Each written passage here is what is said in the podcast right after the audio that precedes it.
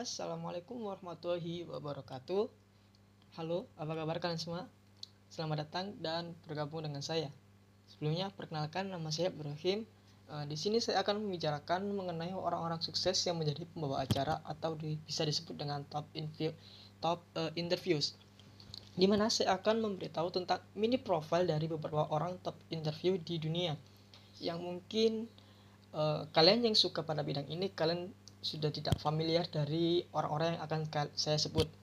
Nah, biasanya eh, dari kalian cuma sekedar tahu tanpa mengenal lebih dalam orang tersebut. Ibaratnya tak kenal maka tak sayang. Maka dari itu saya di sini akan membacakan eh, mini profile dari orang-orang tersebut eh, yang mungkin di antara kalian tidak eh, tahu informasi tersebut dan diharapkan dari informasi yang akan saya berikan kalian bisa tahu dan bisa bela- sedikit belajar dari pengalaman orang-orang tersebut agar kalian bisa menjadi eh, lebih baik lagi ke depannya. Seperti itu. Oh, tanpa lama-lama mungkin bisa lanjut ke orang yang pertama yaitu Oprah Winfrey. Atau yang nama lengkapnya yaitu Oprah Gail Winfrey yang lahir pada tanggal 29 Januari 1954 di Cosco, Mississippi. Ia dibesarkan di daerah peternakan oleh neneknya yang mempunyai sifat atau watak yang keras yang bernama Hetty Mai. Eh, di sini Oprah Winfrey di dibesarkan selama enam tahun oleh eh, neneknya.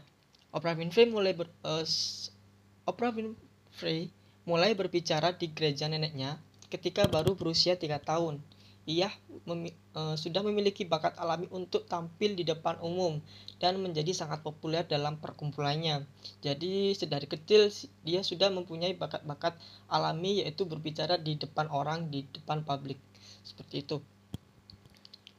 Eh, sehingga eh, lama-kelamaan Oprah eh, dikenal dan populer di kalangannya. Ketika berusia enam tahun, ibunya yang bernama Vernita mendapatkan pekerjaan sebagai pembantu di Milwaukee di Wisconsin dan akhirnya mengambil Oprah kembali dengan dari neneknya. Di Milwaukee, sama seperti di peternakan, Oprah memiliki masih sangat miskin. Ia harus tinggal dalam satu kamar bersama ibu dan dua saudara tiri, laki-laki dan perempuan.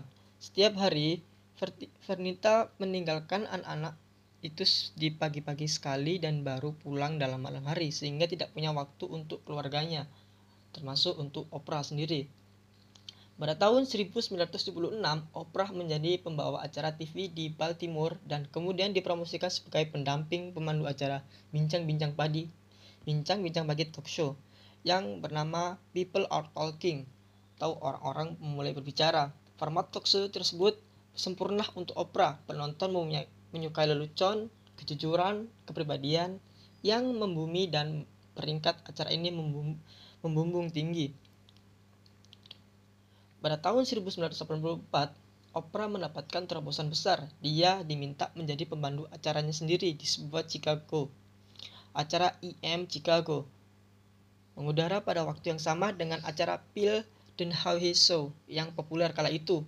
Phil adalah raja TV yang tiap hari.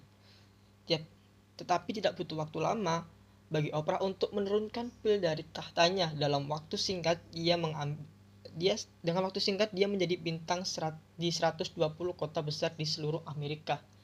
Keren banget. Jadi eh, perjalanan Oprah sendiri bisa dibilang dari kecil dia sudah merintik eh, berbicara kepada halayak umum. Dari situ dia dikembangkan dan akhirnya sukses sampai menjadi bintang di 120 kota besar di Amerika.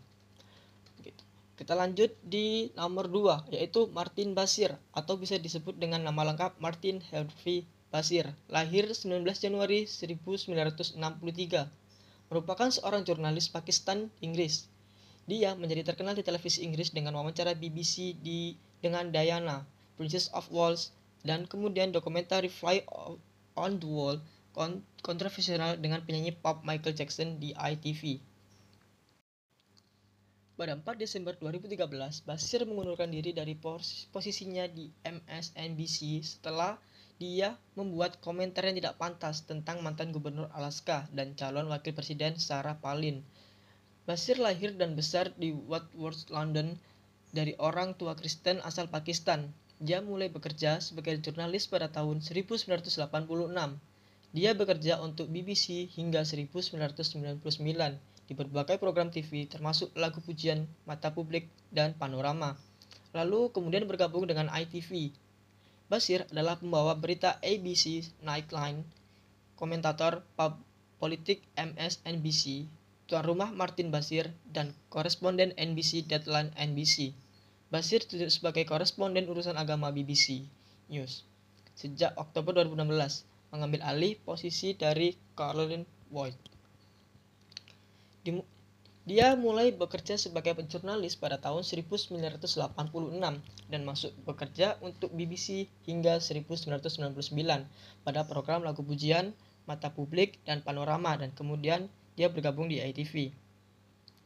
Mengerjakan program dokumenter khusus dan fitur untuk malam ini dengan Travel McDonald. Basir menjadi terkenal pada tahun 1995 ketika dia mewawancarai Diana, Putri Wallace tentang pernikahan yang gagal dengan Pangeran Wallace. Sejak saat itu, ia melakukan wawancara antara lain dengan Louis Woodward, lima tersangka kasus Stephen Lawrence, Michael Barrymore, Jeffrey Archer, Mayor Carlos Ingram, Michael Jackson, dan Johan Les. Basir dipekerjakan oleh ABC dan ikut berlabuh di, di acara Nightline mereka saat ini bersama dengan Cynthia McFadden dan Terry Moran. Dia mengambil alih Nightline dari Ted Koppel pada tahun 2005. Pada Agustus 2010, Basir mengambil alih neckline dari Ted Koppel pada tahun 2005. Pada Agustus 2010, Basir meninggalkan ABC menuju MSNBC, di mana ia mendapat sebagai komentator politik hingga 4 Desember 2013, serta sesekali menjadi pembawa acara pengganti Lawrence O'Donnell. Diumumkan pada September 2016 bahwa Basir kembali ke BBC sebagai koresponden urusan agama Basir berperan sebagai dirinya sendiri dalam film komedi satir Mike Best, manajer Inggris. Pada tahun 2003, Basir mempresentasikan sebuah film dokumenter berjudul Major Fred yang menceritakan kisah mayor angkatan data, angkatan dar, angkatan darat Inggris Carlos Ingram yang menipu jalannya untuk mendapatkan hadiah uang dalam sebuah episode tahun 2001 Ya, dari Who Want to Be a Millionaire.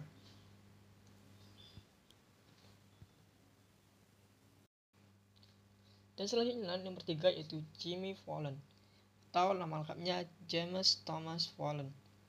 Lahir 19 September 1974 di New York. Komedian Amerika, pembawa acara bincang-bincang, dan penulis yang terkenal karena kehadirannya yang meriah di acara komedi sketsa Hari Sabtu Night Live pada tahun 1998 dan sampai 2004. Dan sebagai pembawa acara Late Night with Jimmy Fallon 2009 sampai 2014 dan Tonight Show 2014. Fallon kuliah di College of Studies Rose Albany, New York, tetapi pergi sebelum menyelesaikan gelar untuk mengejar karir di bidang komedi di Los Angeles. Dalam beberapa tahun, bagaimana dia pergi ke New York City untuk mengikuti audisi untuk mendapatkan tempat di SNL. Dan dia bergabung dengan para pemeran pada tahun 1998. Format SNL sendiri berfungsi sebagai untuk tayangan komedi Fallon. Dia sering memamerkan selebriti dan menciptakan karakter yang mengesankan seperti Jared The Stoner and Nick Burns sebagai ahli komputer yang menggurui. Pada empat musim terakhirnya, Fallon menjadi co-host segmen pembaruan akhir pekan SNL dengan sesama komedian Tina Fey. Dalam drama komedi tersebut, keduanya berperan sebagai co-answer mencampurkan humor dengan berita kontemporer. Pada tahun 2004, Fallon meninggalkan SNL untuk mengajar mengejar film kali mengejar film karirnya. Dia membintangi ko film komedi yang berjudul Taxi 2004 dan komedi romantis Fever Pitch 2005 dan juga berperan dalam drama Factory Girl 2006. dan drama komedi yaitu Wipe It pada tahun 2009. Namun dia gagal menjadi pemain box office yang besar. Lalu dia kembali lagi ke televisi. Pada Maret 2009, Fallon menggantikan pembawa acara talkshow Conan O'Brien in the, the Late Night dengan dengan Conan O'Brien at Night with Jimmy Fallon. Menampilkan sketsa komedi, peniruan identitas, pertunjukan musik, termasuk solo gitar oleh Fallon, tamu selebriti, dan wawancara optimis. Antusiasme dan energi Fallon sangat menular. Dia membujuk para tamu untuk berpartisipasi dalam ber sejumlah sketsa yang tidak biasa, khususnya pas Barack Obama muncul bersama di Slow James the News, sebuah segmen di mana mereka membacakan berita utama dengan alur funk dan seksi. Dan selanjutnya yang keempat adalah Barbara Walters atau Barbara Jill Walters. Lahir di Brooklyn 25 September 1929 dengan umur 91 tahun. Adalah wartawati sekaligus selebriti di televisi Amerika Serikat. Ia dikenal setelah tampil di dalam acara Pagi Today, gelar, gelar bicara The View, majalah berita petang 2020, dan program berita petang ABC selama lebih dari 10 tahun. Walters membawakan acara Pagi Today bersama Hugh Downs dan kemudian Frank McGee dan James Hart. Selama lebih 25 lebih dari 25 tahun, ia menjadi salah seorang pemandu majalah berisi, berita televisi bersama Harry Reisner. Ia ditugaskan sebagai jangkar program berita petang ABC Evening News. Petugasan itu membuatnya sebagai wanita pertama yang ditugaskan sebagai salah seorang jangkar berita petang di jaringan televisi Amerika Serikat. Setelah diturunkan dari posisi jangkar berita petang, ia menjadi koresponden untuk World News Tonight with Peter Jennings, yang, dis, yang sekarang disebut World News. Setelah sempat bekerja sebagai hubungan masyarakat di Tex McCurry dan sebagai penulis di NBC News, Walters diterima di NBC pada tahun 1961 sebagai penulis dan preset untuk acara pagi The Show Today Show. Setelah itu, posisinya dinaikkan sebagai Today Girls yang membicarakan fashion dan gaya hidup di Today Show. Dalam setahun, ia sudah mahir sebagai reporter yang menulis dan menyunting laporan serta wawancara. Sewaktu berpasangan dengan Frank Maggie, Mickey menolak untuk melakukan wawancara bersamanya kalau tidak diberi kesempatan pertama untuk bertanya. Nama Walters tidak pernah ditulis dalam kreditasi sebagai pembawa acara hingga Mickey meninggal pada tahun 1974 dan NBC mengangkatnya sebagai wanita pemandu acara yang pertama. Yang kelima, Larry King. Larry King lahir di Lawrence Harvey Ziegler, 19 November 1933 dan meninggal pada 23 Januari 2021 adalah seorang pembawa acara televisi dan radio Amerika yang penghargaannya termasuk dua Pit Boys, sebuah Emmy, dan 10 Cable Ace Award. Dia menjadi tuan rumah lebih dari 50 ribu wawancara. King adalah pembawa pewawancara radio WMBM di daerah Miami pada tahun 1950-an sampai 1600 1960-an dan menjadi terkenal pada tahun 1998 sebagai pembawa acara The Larry King Show. Program radio tel telepon panjang malam yang didengar di Mutual Broadcasting System. Dari 1985 hingga 2010, ia menjadi pembawa acara wawancara malam program televisi Larry King Live in CNN. King menjadi pembawa acara Larry King Now dari 2012 hingga 2020 yang disiarkan di Hulu Aura TV dan RT Amerika. Dia menjadi pembawa acara polit Politicking with Larry King, sebuah acara bincang-bincang politik mingguan di tiga salurannya yang sama dari 2013 hingga 2020. King juga muncul dalam serial televisi dan film, biasanya bermain sendiri. Sejak usia dini, ia ingin bekerja di penyiaran radio, Ketika salah satu penyiar stasiun tiba-tiba berhenti, King disiarkan. Siaran pertamanya adalah pada tanggal 1 Mei 1957. bekerja sebagai disc jockey dari jam 9 pagi sampai siang. Dia memperoleh nama Larry King ketika manajer umum menyatakan bahwa Ziegert terlalu sulit untuk diingat. Jadi beberapa menit sebelum siaran, Larry memilih nama belakang King yang dia dapatkan dari sebuah iklan dari Miami Herald untuk King's Wolseley Liquor. Dalam dua tahun, dia secara resmi mengubah namanya menjadi Larry King. Beberapa tahun kemudian, pada Mei 1960, dia menjadi pembawa acara Miami Undercover, ditayangkan pada malam minggu pukul 11.30 malam. Pada WPST TV, channel 10, sekarang WPLG, King memuji kesuksesannya di televisi lokal dengan bantuan komedian Jackie Gleason yang acara variety televisi nasionalnya direkam di Miami Beach mulai tahun 1964.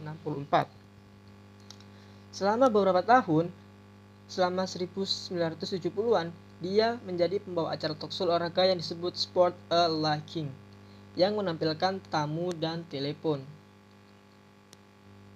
Yang terakhir yaitu David Letterman, lahir 2000 lahir 12 April 1947, Indianapolis, Indiana, Amerika Serikat.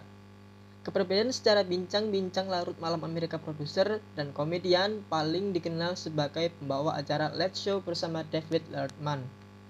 Setelah lulus dari Ball State University pada tahun 1969 dengan gelar di bidang telekomunikasi, Letterman mencoba keahliannya di televisi sebagai peramal cuaca yang bijak di Indianapolis. Pada tahun 1975, dia pindah ke Los Angeles di mana dia mulai tampil secara teratur di toko komedi, sebuah klub untuk komedian stand up yang masih muda.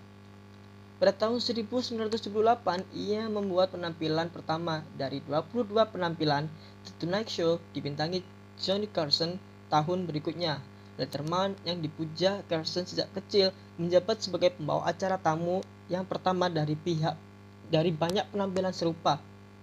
Pada tahun 1979, visibilitas yang diperoleh Letterman sebagai pembawa acara tamu membuatnya memenangkan pertunjukan tengah pagi NBC, pertunjukan David Letterman.